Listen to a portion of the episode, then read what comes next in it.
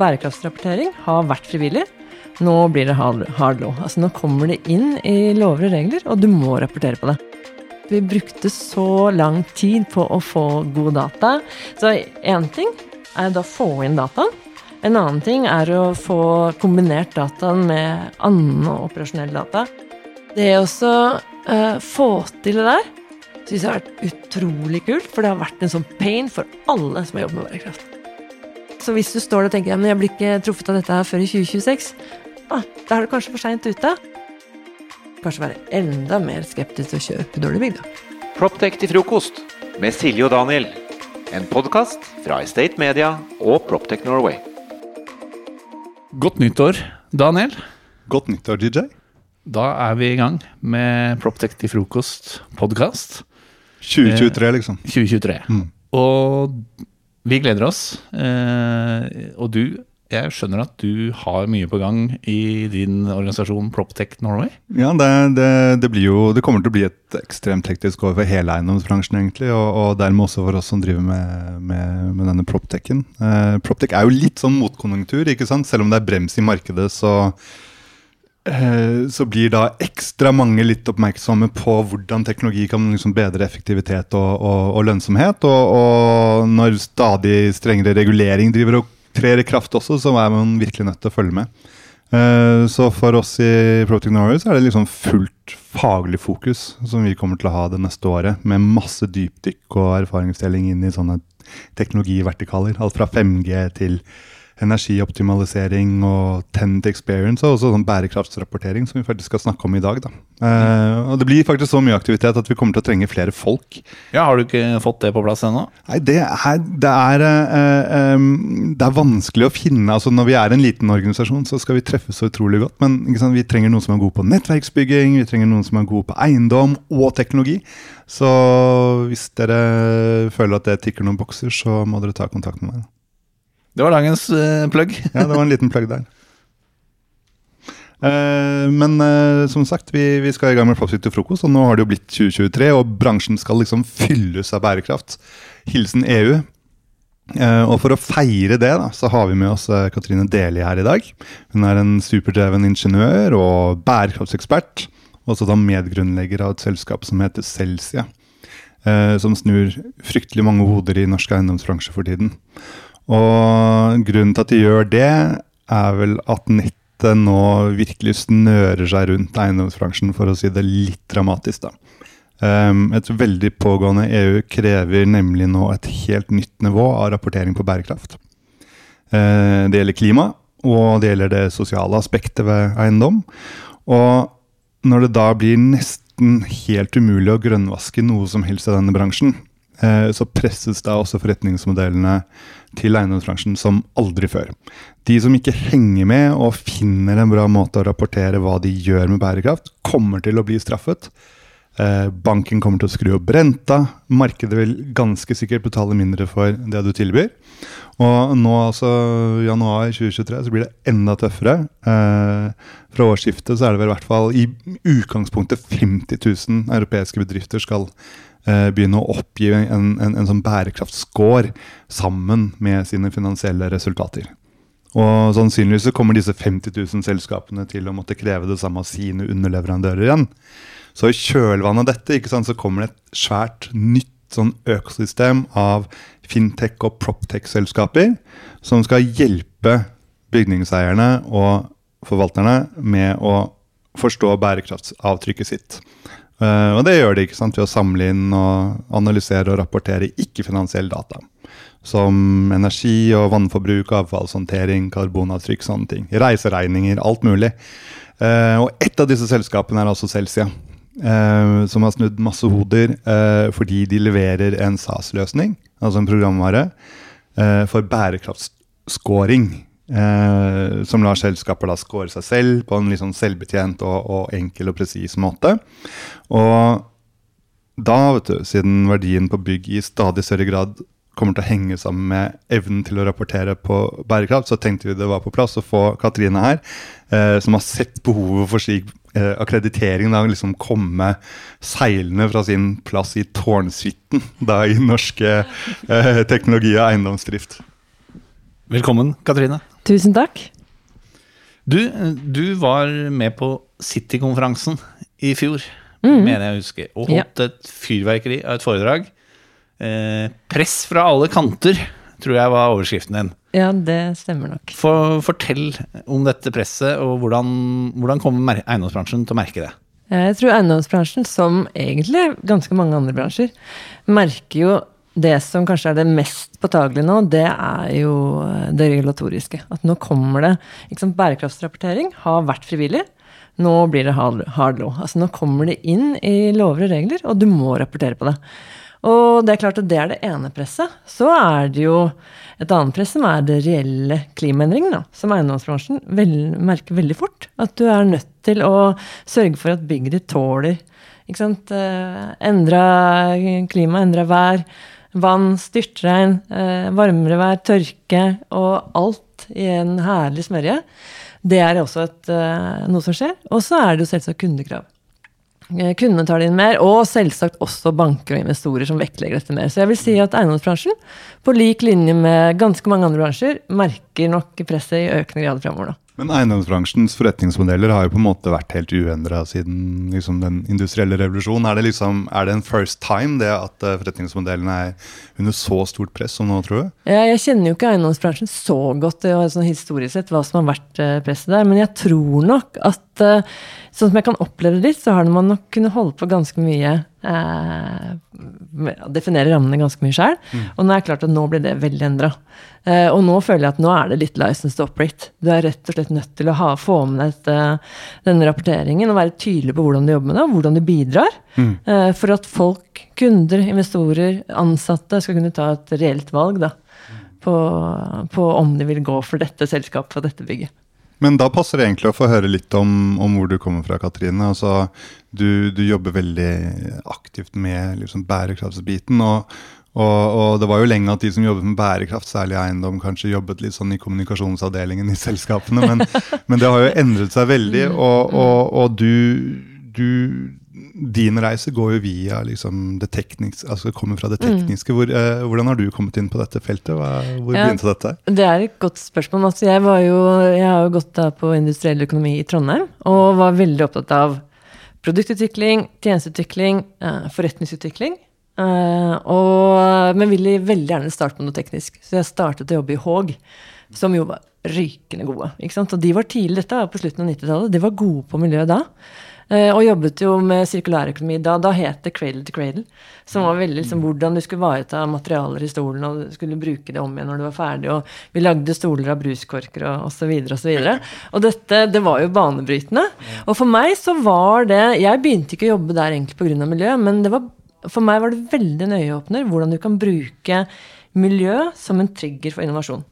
For du tar på deg og det har jeg sagt mange ganger før også. Så du tar på deg nye briller og ser nye ting. Du ser, og, og det er sånn som Et eksempel fra Haag var jo at vi fikk eh, veldig klare føringer på å droppe skummet i stolen eh, på ryggen hos seta.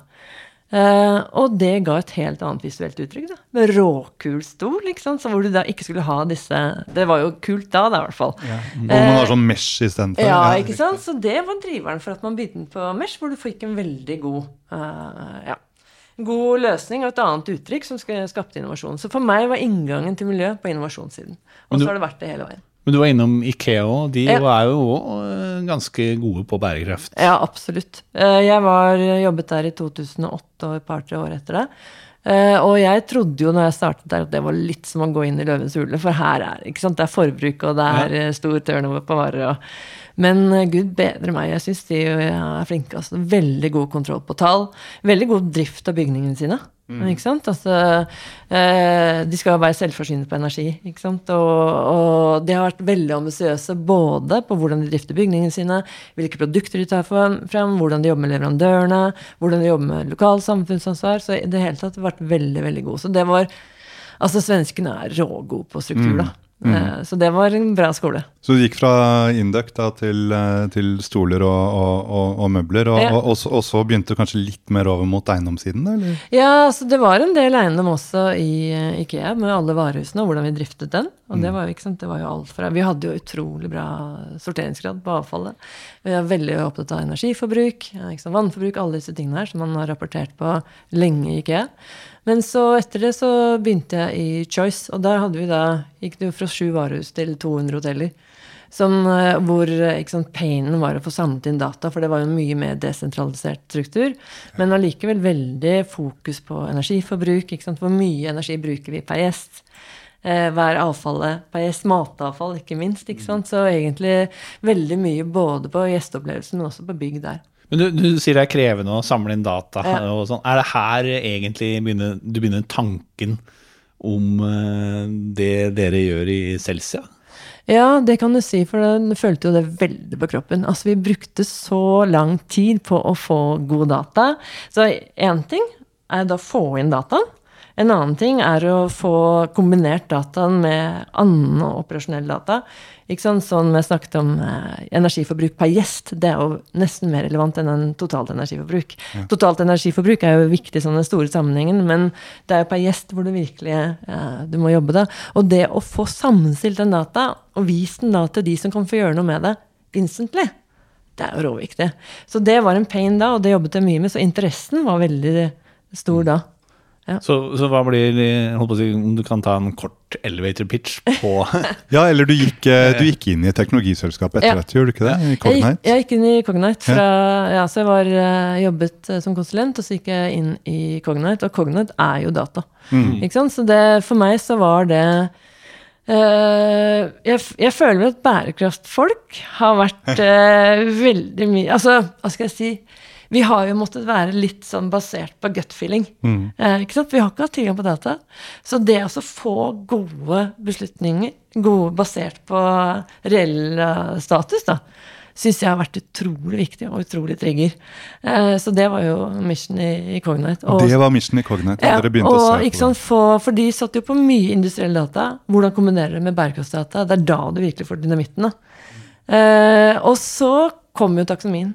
Eh, og jeg var helt sånn derre Altså taksonomien fra EU, som er et klassifiseringssystem, som klassifiserer ganske mange aktiviteter i grønne eller ikke grønne, avhengig av hvordan du, hva, hvordan du performer, hvordan du gjør det. Uh, og så tenkte jeg meg, herre dette er jo endelig. For det har vært så Ikke sant. Er jobbet, Håndfast. ja, håndfast. Og så ikke sant, da jeg jobbet i Choice, da, så hadde jeg også ansvar for å screene leverandører på bærekraft. Sammen med innkjøp, ikke sant.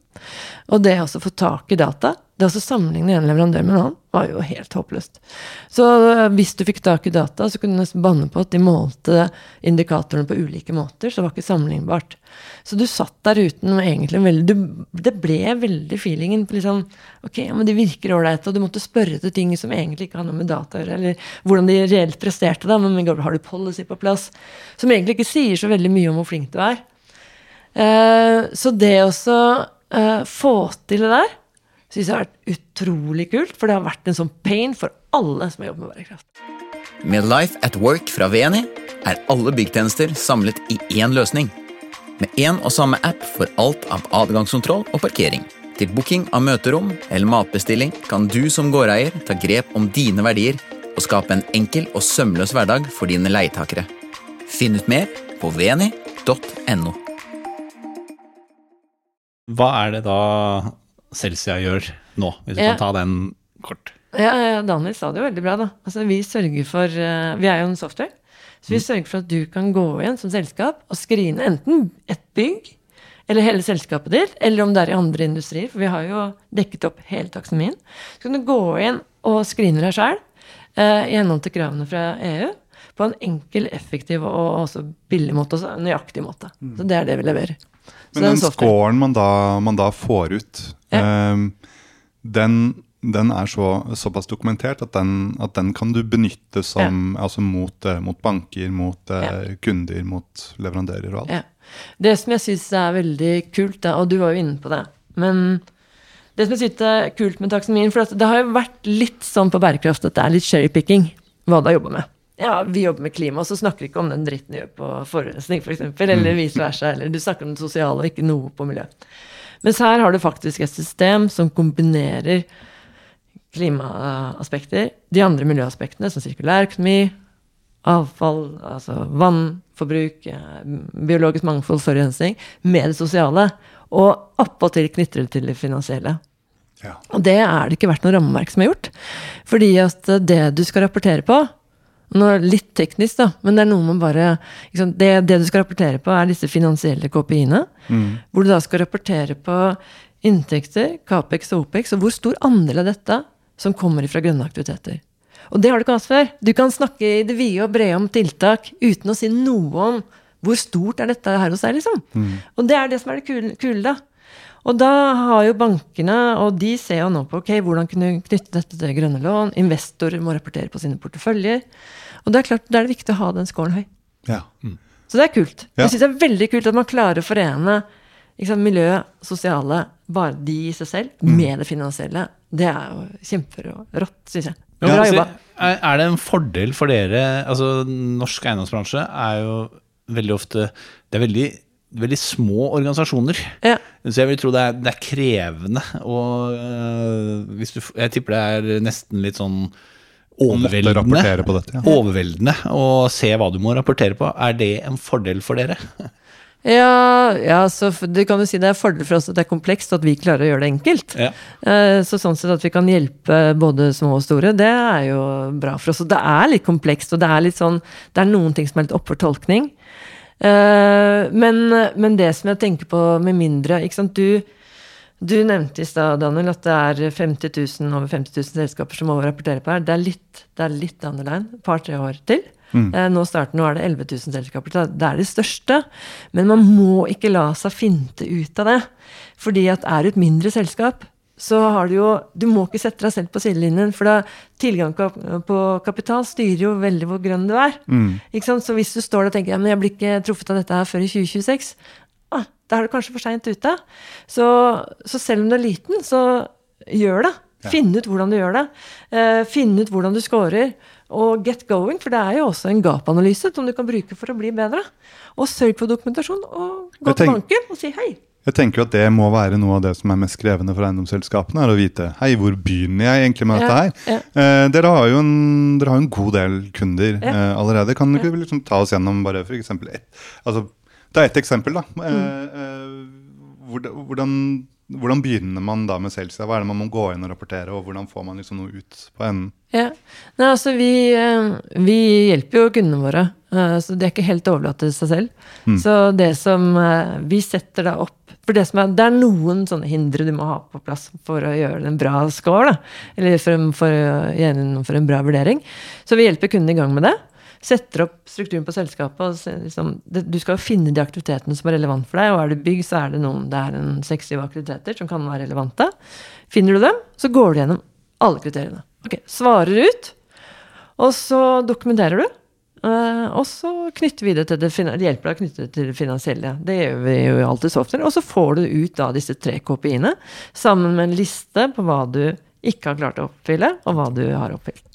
Nettopp. Så det er ikke, det er ikke rocket science. Eh, Det er jo ikke det. Men, eh, men jeg tror nok det er noen som sier oh, litt usikre, kanskje. Sant, men dere kommer da fra liksom dette datadrevne tech-eventyret Cognite. Var det der du traff Ja. partnerne dine? Ja. Og, så, og så skal dere levere altså Det må jo være hundrevis av selskaper i Europa som nå tilbyr en eller annen slags rapportering innenfor ESG. da. Ja. Eh, eh, vi har jo hatt Vari her, Ja. eller Vari, eh, her på denne mm. podkasten tidligere. Eh, hvordan, hvordan skiller liksom Celsas verdiforslag seg fra eh, alle disse selskapene der ute, sånn som du ser det? Ja, altså du har eh, Man går nok på litt ulike deler av datareisen, kan du si.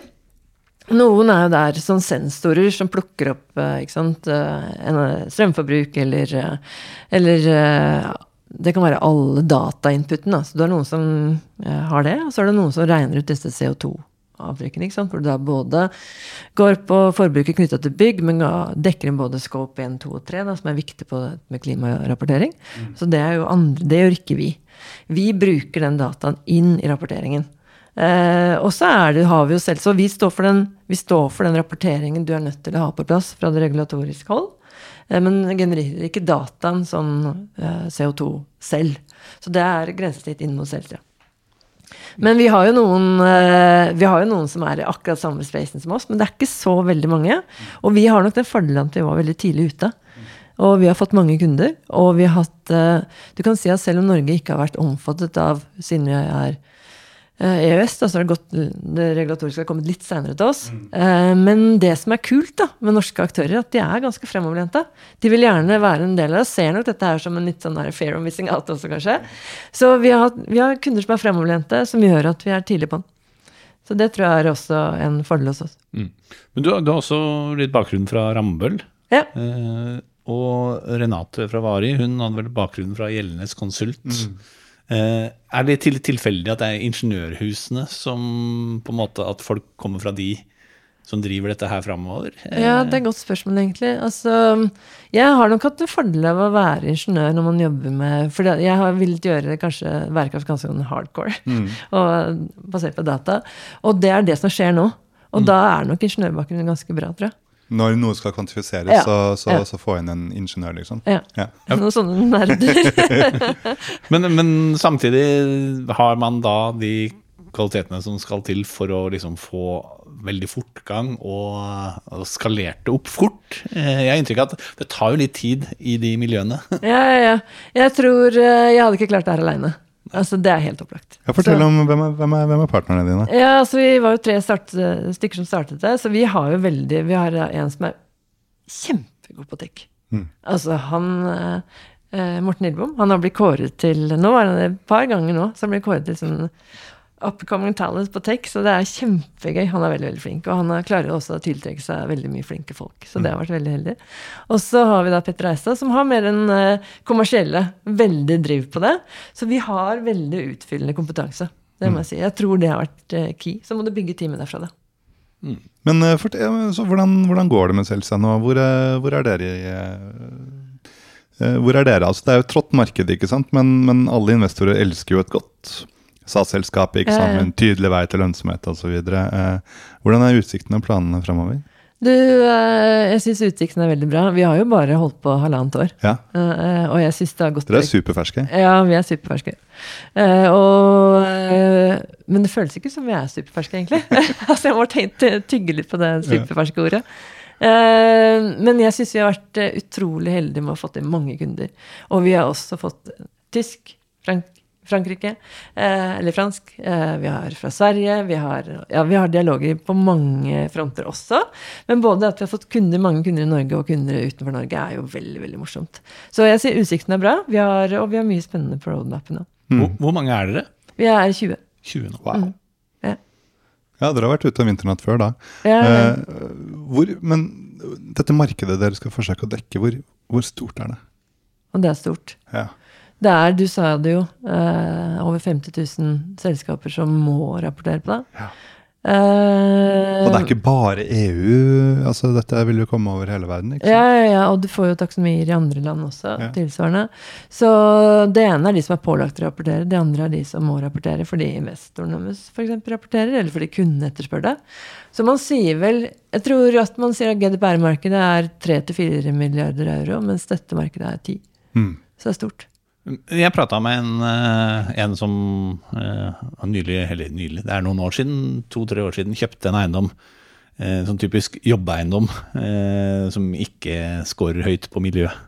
Og han, han sier at han tror kanskje han ikke hadde fått lån til å kjøpe den eiendommen nå. Nei. Men hva, altså det er ganske mange eiendommer, og holdt på å si et fryktelig stor gruppe investorer, eller eiendomsselskaper, som har eiendommer som ikke scorer bra. Eh, Hvor, hvor, hvor går de eh, i dette landskapet med strengere regler, tøffere finansiering? Hva, hva, hva tror du kommer til å skje der? Ja, så jeg tenker at det blir litt sånn som man vurderer investeringer, litt sånn stranded asset, hvis det er helt eh, Altså det, det er jo Og det kan jo komme fra flere hold, da. Det ene er det vi snakket på i sted, snakket om i stad, dette med klimaendringer, som gjør at du må faktisk eh, sørge for at bygget ditt står støtt, bokstavelig talt. Så det er jo en side av det. Og så er det jo leieinntekter, da. Og hvor enkelt det er å leie et bygg som er, hvis det er veldig høye energikostnader, f.eks. Men det er jo Og- samtidig det er jo ikke veldig bærekraftig hvis de må rive og bygge nytt. Nei, jeg vet ikke om det er Jeg vil tenke at det kommer ganske Nok antageligvis flere og flere løsninger som gjør at det blir bedre å rehabilitere det. da. Fordi at det er som du sier, det minst bærekraftige du kan gjøre, er vel antageligvis å rive det. Så hvordan sikkerstiller du det? Og det er jo renovasjonsaktiviteten er jo også en del av taksonomien. Så du får gjort det på Men, men det er kostnader forbundet med det. Så du vil kanskje, ok, du vurderer kanskje ok, hva kan du gjøre med porteføljen, hvor setter du inn pengene framover? Men kanskje være, hvis du har noen dårlige bygg, men kanskje være enda mer skeptisk til å kjøpe dårlige bygg. da. Og at du bruker dette her også som en due diligence på bygg. Før du kjøper det, ikke sant? Nei, for altså, Vi liker jo å si at uh, styrerommene i norsk eiendomsbransje har blitt litt mer sirkulære. Uh, Ja.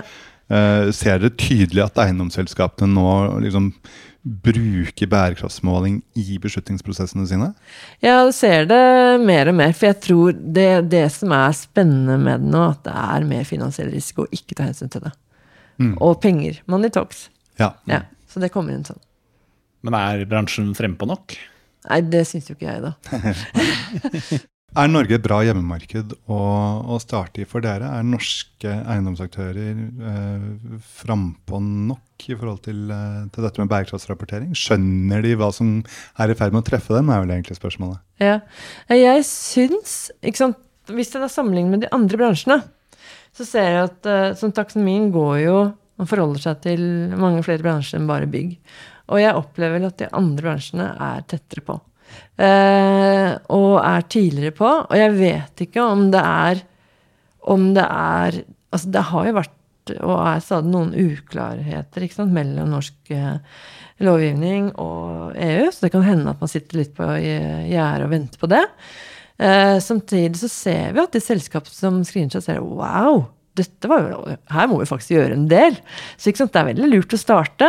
Og, men jeg opplever nok at uh, norske kanskje sitter litt mer på gjerdet, i hvert fall i forhold til det vi opplever i Sverige.